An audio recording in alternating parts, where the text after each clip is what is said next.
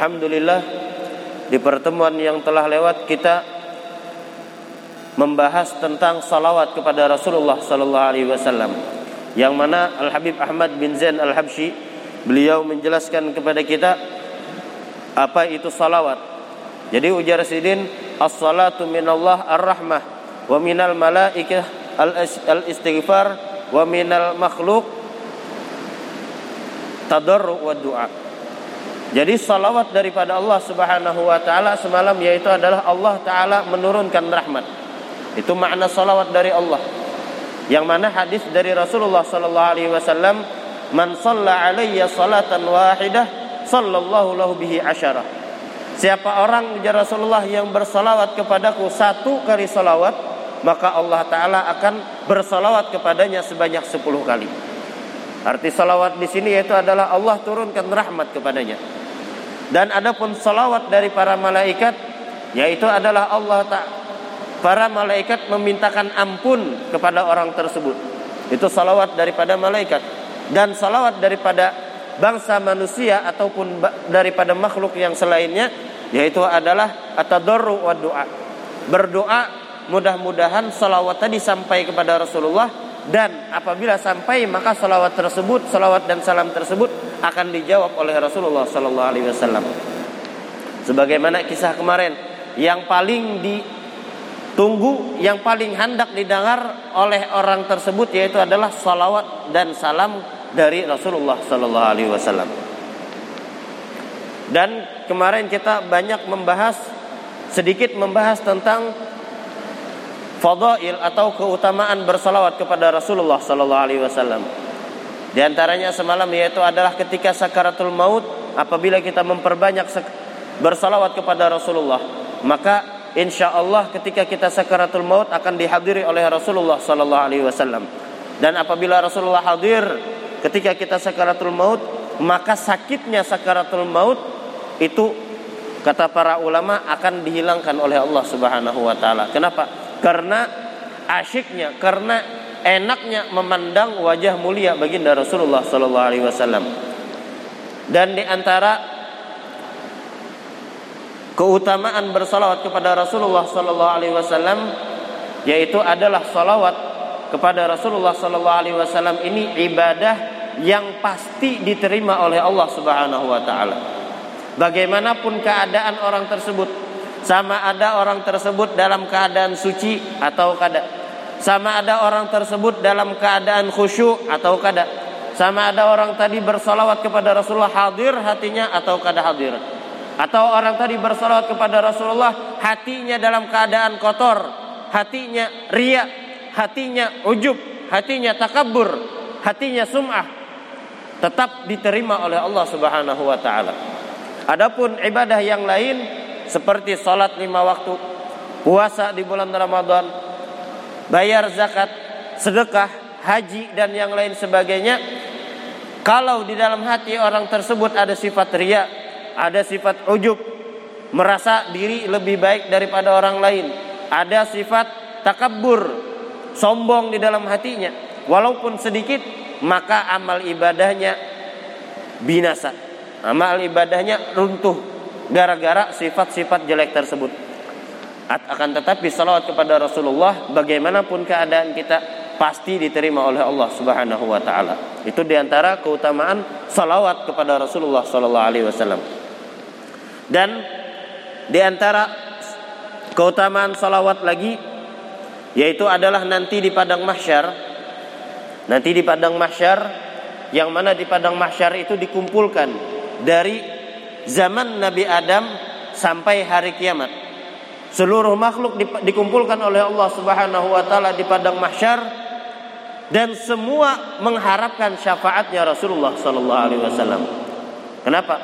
Karena khusus bagi Rasulullah sallallahu alaihi wasallam nanti di hari kiamat diberikan syafaatul uzma.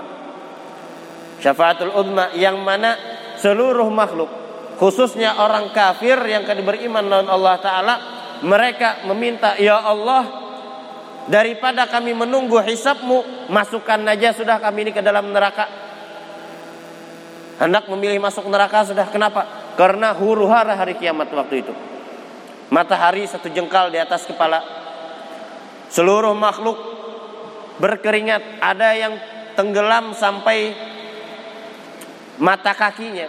Ada yang sampai lututnya tenggelam oleh keringatnya. Ada yang sampai pinggang. Ada yang sampai tenggorokannya. Ada yang sampai hidungnya. Ada yang tenggelam oleh keringatnya. Itu semua tergantung amal ibadahnya di, di alam dunia. Nah, ketika itu seluruh makhluk mengharapkan syafaatnya Rasulullah. Mengharapkan dekat dengan Rasulullah. Kenapa? Karena orang yang dekat dengan Rasulullah pasti orang tersebut akan mendapatkan syafaatnya Rasulullah Sallallahu Alaihi Wasallam. Kira-kira kita andakannya di mana? Andakan kita nih di, di padang mahsyar kayaknya di mana? Apakah parak lawan Rasulullah atau jauh? Jangankan di padang mahsyar, kita bayangkan aja. Contoh ulama datang. Ulama datang ke tempat kita. Seperti Guru Mulia Habib Umar semalam datang ke Palangkaraya sini, mengisi di Masjid Raya. Kawang ada kita beparak lawan sidin. Jangankan bersalaman beparak aja kita kada kawa. Itu baru umatnya Rasulullah, baru keturunannya Rasulullah. Ini bayangkan di padang mahsyar seluruh makhluk dari zaman Nabi Adam sampai hari kiamat berkumpul di suatu tempat hendak beparak lawan Rasulullah. Andakan kita di mana? Kalau kita lihat amal ibadah kita jauh. Kira-kira kita jauh lawan Rasulullah sallallahu alaihi wasallam. Bagi apa caranya kita supaya parak lawan Rasulullah? Ujar Rasulullah sallallahu alaihi wasallam menyebutkan di dalam hadis beliau. Beliau memberikan resep kepada kita. Ujar Rasulullah, "Aqrabukum alayya manzilatan yaumal qiyamah aktsarukum alayya salatan." Orang yang paling dekat nanti kedudukannya di sisiku di hari kiamat yaitu adalah orang yang paling banyak bersalawat kepadaku. Itu adalah orang yang dekat kepada Rasulullah. Yang akan berada di, di samping-samping Rasulullah. Karena itu perbanyak salawat kepada Rasulullah sallallahu alaihi wasallam. Mudah-mudahan kita semua diberikan taufik dan hidayah oleh Allah Subhanahu wa taala untuk memperbanyak salawat dan salam kita kepada Rasulullah Sallallahu Alaihi Wasallam. Apalagi kalau kita mengucapkan salawat tersebut dengan rasa rindu, dengan rasa cinta kepada baginda Rasulullah Sallallahu Alaihi Wasallam, maka insya Allah Rasulullah Sallallahu Alaihi Wasallam akan hadir, akan hadir di alam mimpi kita, akan hadir di alam bangunnya kita. Khususnya Rasulullah akan hadir ketika kita sakaratul maut. Tapi dengan syarat kita bersalawat dan salam dengan rasa rindu kepada Rasulullah sallallahu alaihi wasallam. Kalau kita bujur-bujur rindu kepada Rasulullah sallallahu alaihi wasallam pasti Rasulullah hadir. Pasti Rasulullah datang. Contohnya kayak apa? Contohnya pohon kurma. Yang mana dulu di zaman Rasulullah sallallahu alaihi wasallam pohon kurma itu dijadikan mimbar oleh Rasulullah Dijadikan mimbarnya Rasulullah. Setiap kali berkhutbah di pohon kurma tadi.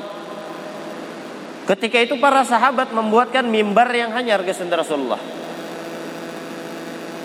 Maka ketika Rasulullah lagi khutbah, terdengar suara tangisan. Terdengar suara tangisan yang mana tangisan itu kada tahu dari mana asalnya. Apakah dari sahabat atau yang lain? Maka diperhatikan suara tadi ternyata keluar dari pohon kurma yang bekas mimbarnya Rasulullah. Mendengar tangisan itu Rasulullah Wasallam mendatangi mimbar tadi. Nah ini bukti kalau kita bujur-bujur rindu, sebagaimana rindunya pohon kurma lawan Rasulullah, maka Rasulullah akan mendatangi. Didatangi oleh Rasulullah dan dipeluk oleh Rasulullah Shallallahu Alaihi Wasallam. Maka seketika suara tangisan itu hilang. Seakan-akan kekanakan yang menangis dipeluk oleh mamanya. Bayi itu bilanya menangis, kekanakan umur setahun dua tahun menangis diragap oleh mamanya. Kada apa hinip kekanakan tadi. Keitu juga pohon kurma tadi seakan-akan dipeluk oleh mamanya. Langsung diam. Maka Rasulullah Shallallahu Alaihi Wasallam bertanya, wahai pohon kurma, ikam kuberi pilihan. Ikam hendak bersama aku di alam dunia sini atau di surga. Amunnya hendak bersamaku di, di alam dunia, bebulik aku menjadikan ikam mimbar. Tapi kalau ikam memilih di surga, maka cukup akan tangisan ikam karena kita di surga berkumpul. Maka ujar pohon kurma tadi, wahai Rasulullah ulun memilih berkumpul lawan pian di alam surga. Kenapa? Karena alam akhirat kekal. Kalau di alam dunia seberapa umur kita habis sudah kada berkumpul lagi. Maka pohon kurma tadi memilih berkumpul dengan Rasulullah sallallahu alaihi wasallam dalam surga. Maka ujar Rasulullah sallallahu alaihi wasallam seandainya ujar Rasulullah pohon kurma itu akan aja kada diparaki, kada didatangi dan kada dipeluk oleh Rasulullah sallallahu alaihi wasallam, maka pohon kurma itu akan menangis sampai hari kiamat. Sampai hari kiamat akan terdengar suara tangisan di Masjid Nabawi. Tapi karena Rasulullah sallallahu alaihi wasallam memiliki rasa sifat kasih sayang kepada kepada umatnya. Jangankan kepada umatnya, kepada pohon yang kada bakal bahasa kita pohon kada bakal tetap dirahmati oleh Rasulullah Sallallahu Alaihi Wasallam.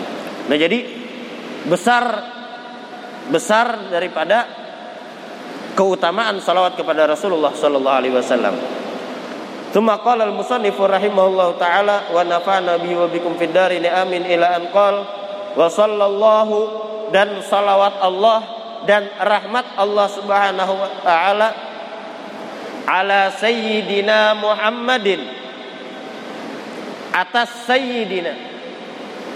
Sayyid di sini di dalam bahasa Arab ada empat makna. Makna pertama yaitu adalah mansada fi qaumihi. Orang yang memimpin di sebuah kaum. Orang yang memimpin di sebuah perkumpulan. Maka orang tadi di dalam bahasa Arab bisa dipanggil dengan sayyid. Pemimpin suatu kaum. Dan pemimpin suatu kaum ini itu cuma sebutan pemimpin. Hakikatnya pemimpin suatu kaum ujar Rasulullah sallallahu alaihi wasallam sayyidul kaum khadimuhum.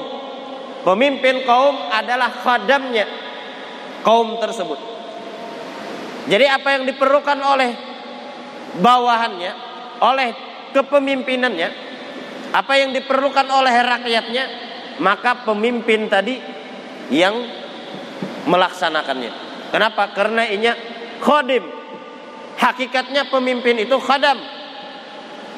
Kalau kita sekarang pemimpin yang menyuruh, pemimpin yang menunjuk, pemimpin yang ini.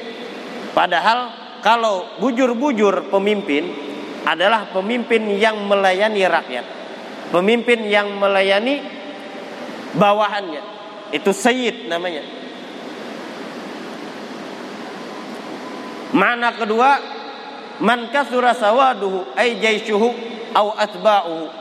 Yaitu adalah orang yang banyak memiliki pengikut. Itu dikatakan sayyid juga di dalam bahasa Arab. Yang ketiga, man tafazza'a ilaihi nas inda syada'id yang mana orang tersebut adalah orang yang apabila ada permasalahan maka orang yang kena masalah ini akan datang kepadanya. Akan datang kepada orang tadi. Ba'adu masalahnya ulun ada masalah ini ini ini ini. Siapa jalan keluarnya. Minta jalan keluar. Sebagaimana orang-orang dulu apabila ada permasalahan maka mereka mendatangi guru-guru mereka. Mereka mendatangi ulama-ulama yang ada di tempat mereka kalau kita sekarang wallahu a'lam. Ada masalah mungkin ditulis di status Facebook di status WhatsApp diumumkan di YouTube di, dan yang lain sebagainya. Kalau orang dulu ada masalah datang kepada Habib Fulan kepada wali Fulan kepada guru Fulan. Datang guru siapa guru? Ini ulun ada hendak musyawarah lawan pian. Musyawarah apa? Musyawarah ulun hendak ini ini ini ini, ulun hendak itu itu itu kira-kira siapa bagus kada? Jadi musyawarah. Musyawarah kepada ulama-ulama setempat. Nah, orang yang kembali kepadanya permasalahan-permasalahan maka orang tersebut dikatakan sayyid dalam bahasa Arab. Yang keempat, sayyid dalam bahasa Arab memiliki makna al-halim, orang yang lambat marah. Al-halim ini adalah orang yang kawainya sarik cuma ditahaninya. Itu halim. Wal kadhimin al ghaidha wal afina 'anil nas. Orang-orang yang kadhim, kadhim ini yaitu adalah orang yang menahan rasa sariknya. Kawainya sarik, kawainya melawan, cuma inya ditahaninya. Dihina di hadapan orang. Disambati di hadapan. Di hadapan orang banyak. Supan ngelola. Cuma inya kawa menahani. Difitnah dan yang lain sebagainya. Kawa inya sobar. Maka orang tersebut dalam bahasa Arab dikatakan sayyid. Apalagi semua sifat ini pemimpin suatu kaum yang mana banyak memiliki uh, memiliki apa banyak memiliki pengikut. Kemudian orang-orang apabila ada permasalahan mengadu kepada orang tadi dan bersifat halim, lambat marah. Ini semua sifat ini dikumpul oleh Rasulullah sallallahu alaihi wasallam. Ada di dalam diri Rasulullah sallallahu alaihi wasallam. Maka hendaklah kita sebagai umatnya Rasulullah sallallahu alaihi wasallam kalau menyebutkan nama Rasulullah Sallallahu Alaihi Wasallam hendaklah pakai sayyid.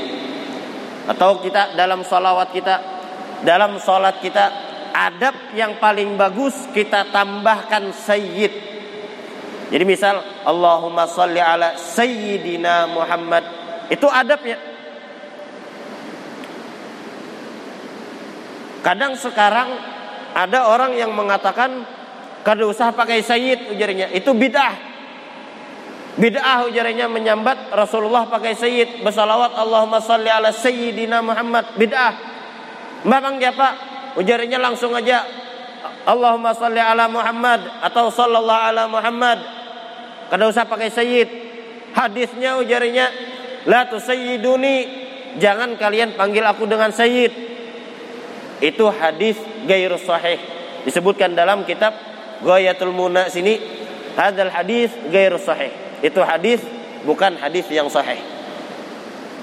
Hadis bukan sahih, bisa hadis itu hadis hasan, bisa hadis itu hadis dhaif atau hadis yang lainnya.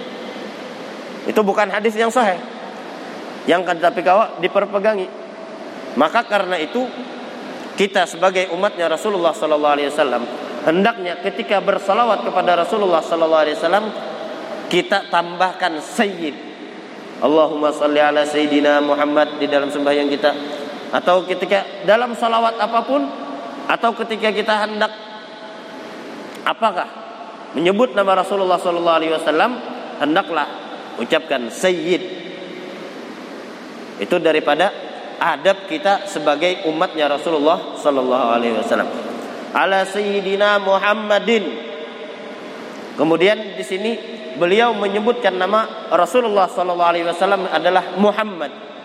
Muhammad ini adalah nama Rasulullah sallallahu alaihi wasallam di alam dunia. Adapun nama Rasulullah yang terkenal di langit yaitu adalah Ahmad. Dan Muhammad ini diberikan oleh kakek beliau ketika Rasulullah dilahirkan maka kakek beliau yang bernama uh, yang dipanggil dengan Abdul Muthalib atau nama aslinya adalah Syaibatul Hamad. Beliau memberikan nama kepada cucunya dengan nama Muhammad. Muhammad di dalam ilmu saraf yaitu adalah isim maf'ul yang mana terkumpul kepada orang tersebut sifat-sifat yang terpuji. Karena itu dinamakan Muhammad. Dan nama dan Nabi Muhammad sallallahu alaihi wasallam ini beliau banyak memiliki nama panggilan. Kasratul asma tadullu ala syarafil musamma. Banyaknya nama panggilan menunjukkan atas mulianya orang yang diberikan nama tersebut. Dan kita sebagai umatnya Rasulullah sallallahu alaihi wasallam hendaknya tahu nasabnya Rasulullah. Muhammad bin Abdullah bin Abdul Muttalib bin Hashim bin Abdi Manaf bin Qusay bin Murrah bin Qusay bin Hakim atau bin Kilab. Hakim ini nama aslinya. Tapi kalau di dalam sebagian sanad dikatakan adalah Kilab. Kenapa dinama disebut dengan Kilab? Karena beliau ketujuh berburu dengan anjing. Makai anjing bin Hakim bin Murrah bin Ka'ab bin Lu'ay bin Ghalib bin Fihir bin Nadir bin Kinanah bin Khuzaimah bin Mudrikah bin Ilyas bin Mudar bin Nizar bin Ma'ad bin Adnan. Wa yantahi nasabuhu sallallahu alaihi wasallam ila Ismail bin Ibrahim alaihi wassalatu wassalam. Nah jadi nama Rasulullah sallallahu alaihi wasallam yang dikasih oleh kakeknya adalah Muhammad. Nama yang paling mulia karena itu di dalam hadis Rasulullah sallallahu alaihi wasallam apabila ada nama Muhammad di antara suatu kaum maka dahulukanlah Muhammad tadi. Misal kita hendak makan. Seikung namanya Muhammad Fulan. Seikung namanya Udin. Seikung Anang. Maka dahulukan Muhammad ini menyuap makannya. Dahulukan si Muhammad.